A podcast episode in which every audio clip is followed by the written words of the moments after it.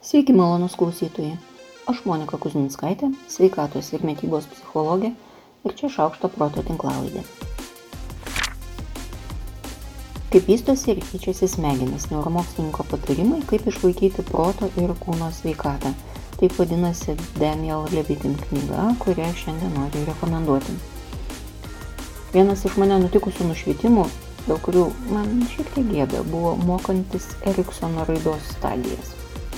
Viskas vyksta ne taip, kaip pasakose ir gyvenimas nesustoja nei su lyg vestuvėmis, nei su lyg 30 metų. Viskas nėra vienodai tiesiai ir kaip visada. Ir kai ateina 30 ir 40 ir su vaikais ir su kuo tik norim. Gyvenimo raida visą laiką yra kintanti linija ir viskas yra lygiai taip, kaip norim. Galim mokytis, galim keistis, galim pradėti iš naujo ir dar kartą, jeigu reikia. Galim stiprinti kūną ir gerinti sveikatą. Labai noriu pabrėžti žodį galim, nes galimybės iš tiesų yra visos. Ko mums pritrūksta, tai arba sprendimo tai daryti, arba tikėjimo, kad tai įmanoma. Smegenys lieka plastiškos iki pat gyvenimo pabaigos. Kai kurie pokyčiai yra, bet tikrai netokio lygio, kaip frazėse, mano amžiuje tai jau nebeįmanoma. Didžiausias stabdis, neleidžiantis pasiekti tiek laimės, kiek su branda galima pasiekti, yra vis tik ši frazė. Galim. Gero skaitimo. Daniel Levitin, kaip vystosi ir keičiasi smegenis.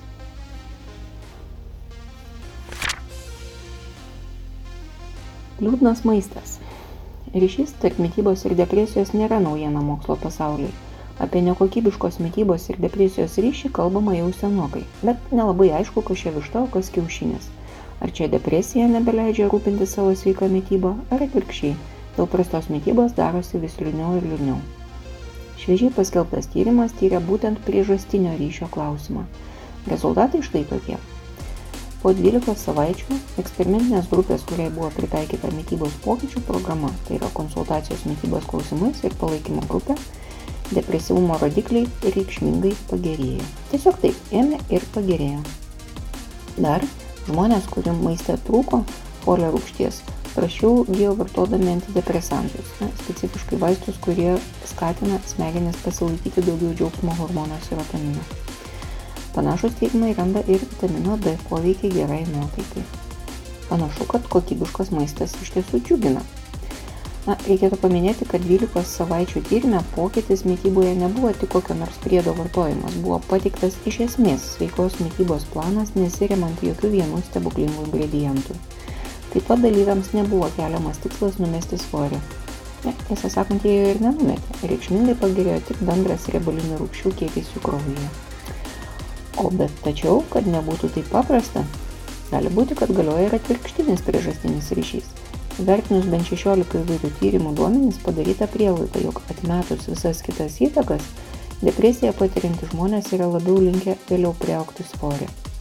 Čia jau kvepia užburtų ratų. Iš pradžių bet ką valgai, po to depresuoji, po to dėl to dar blogiau valgai. Gera žinia ta, kad mytybą pakeisti gerokai lengviau negu kabutėse nustoti liūdėti. Todėl linkiu Jums skanaus ir linksmo maisto. Jei žmonės vaikystėje patiria daug sunkumų arba jų gyvenime yra labai daug pokyčių ir neapibrieštumo, jie renkasi vadinamą lėtą gyvenimo istorijos strategiją. Tai reiškia, kad jie vėliau priima svarbius sprendimus, mažiau rizikuoja, vėliau tuokėsi, vėliau susilaukia vaikų ir panašiai o jei jų vaikystė yra saugi ir užtikrinta, tada jie mieliau renkasi greitą gyvenimo istorijos strategiją. Tai yra, anksčiau veda, anksčiau susilaukia vaikų, drąsiau rizikuoja ir panašiai. Gyvenimo istorijos strategija susijusi ir su mytyba. Neužtikrintose sąlygose užaugę vaikai dažniau būna linkę į su maistu susijusias priklausomybės. Šis ryšys stiprus, jei žmogus dažniau taiko savikritikos strategiją, kurios beje irgi dažnai išmoksta būtent dėl to, kad auga neužtikrintose sąlygose. Tačiau išmokus atjautos savo, vaikystės neapibrieštumo poveikį galima labai stipriai sumažinti ir taip valdyti ir priklausomybės nuo maisto.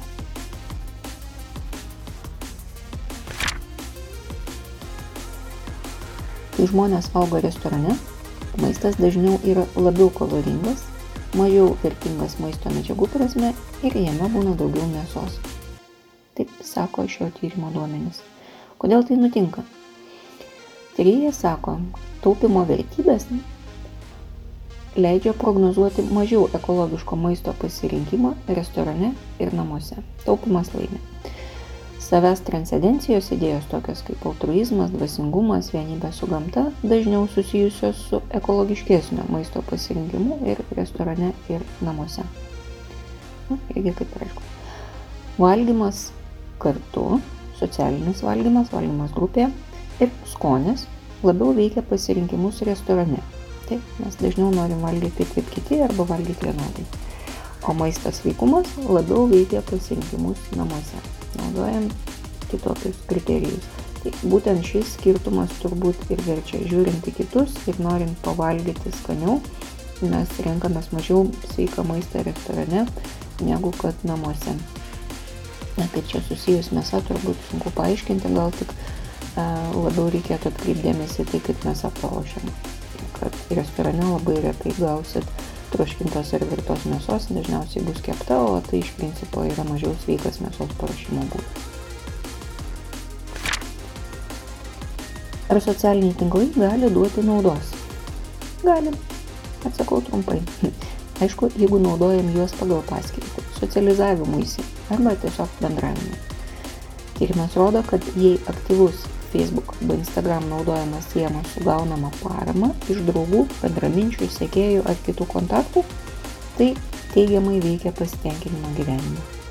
Jei socialinių tinklų turinys vartojamas pasyviai, tai dažniau siejamas su negatyviu savęs lyginimu, ypač Instagram vartotojų tarpe.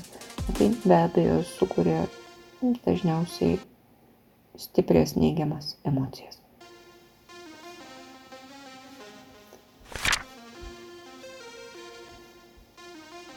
Paskutiniu metu man likimas atneša daug pokalbių apie čia ir dabar, įskaitant ir mano vidinio povo žinovo pamokymą.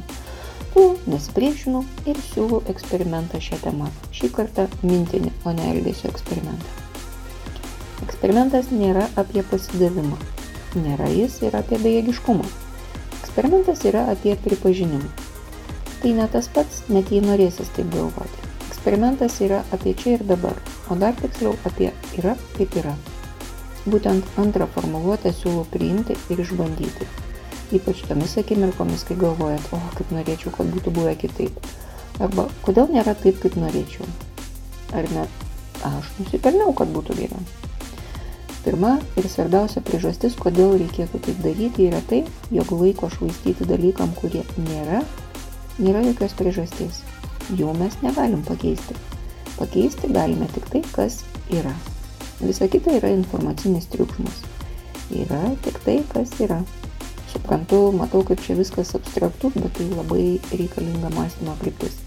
Tik atsispyrę nuo to, kas yra, galime kažką pakeisti. Bandydami ir nepasiekdami įsikipti tai, ko nėra, tik leisim laiką šokinėdami ir stengdamėsi ir ničnieko nenuveikdami. Žodžiu, yra kaip yra. Tik iš šio taško nusidrigiančios galimybės rodo, kaip ir kur jūs iš tiesų galite pajudėti. Į kitą tašką, kuris vadinsis dabar jau yra kitaip. Planavimui, svajonėms, krypčiai be abejo reikia skirti laiko, bet ne tiek, kiek skiria tie, kurie žino, apie ką aš kalbu. Yra, taip yra. Moku tiek, kiek moku. Uždirbu tiek, kiek uždirbu. Kiti žmonės padarė tiek, kiek padarė. Atrodau taip, kaip atrodau. Jeigu noriu ir galiu daryti kitaip, galiu daryti ir darau. Arba nusprendžiu nedaryti. Galiu paieškoti kitų būdų. Tai ir ieškau. Nežinau, kaip ieškoti. Tai nežinau. Yra, kaip yra. Nėra tvirtesnės žemės atsispirti bet kokio aukščio skrydžiui, tik ši frazė. Eksperimentas yra viena iš dažnai naudojamų technikų kognityvinė elgesio terapijai. Eksperimentas yra skirtas patikrinti įsitikinimo teisingumui, o įsitikinimai yra saliginai tvirti, bet nebūtinai teisingi sprendimai, kuriuos naudojam nekritiškai, nebetikrindami kiekvieną kartą jų teisingumą. Klaidingi įsitikinimai gali metų metais mus vesti neteisingų kelių, taip ir nesuprantant, kas su manim, ar su kitais, ar su pasauliu yra negerai. o eksperimentas leidžia atpažinti klaidas įsitikinime ir, stovint akistatoje su nauja informacija, jį pataisyti ir perkonstruoti iš naujo. Jei naudojate eksperimentus, būsiu labai dėkinga, jei pasidalinsit savo patyrimais ir komentarais. Šiai savaitai tiek. Aš Monika Kuzminskaitė, sveikatos ir mytybos psichologė, padedu spręsti kasdienius ir sudėtingus elgesio, mąstymo ir emocijų klausimus. Rašau, skaitau paskaitas, teigiu psichologinės konsultacijas. Mane rasit socialiniuose tinkluose vardu Šaukštas Proto, rašykit man asmeninę žinutę ten arba elektroniniu paštu adresu šaukštas.proto atgmail.com. Taikos ir ramybės.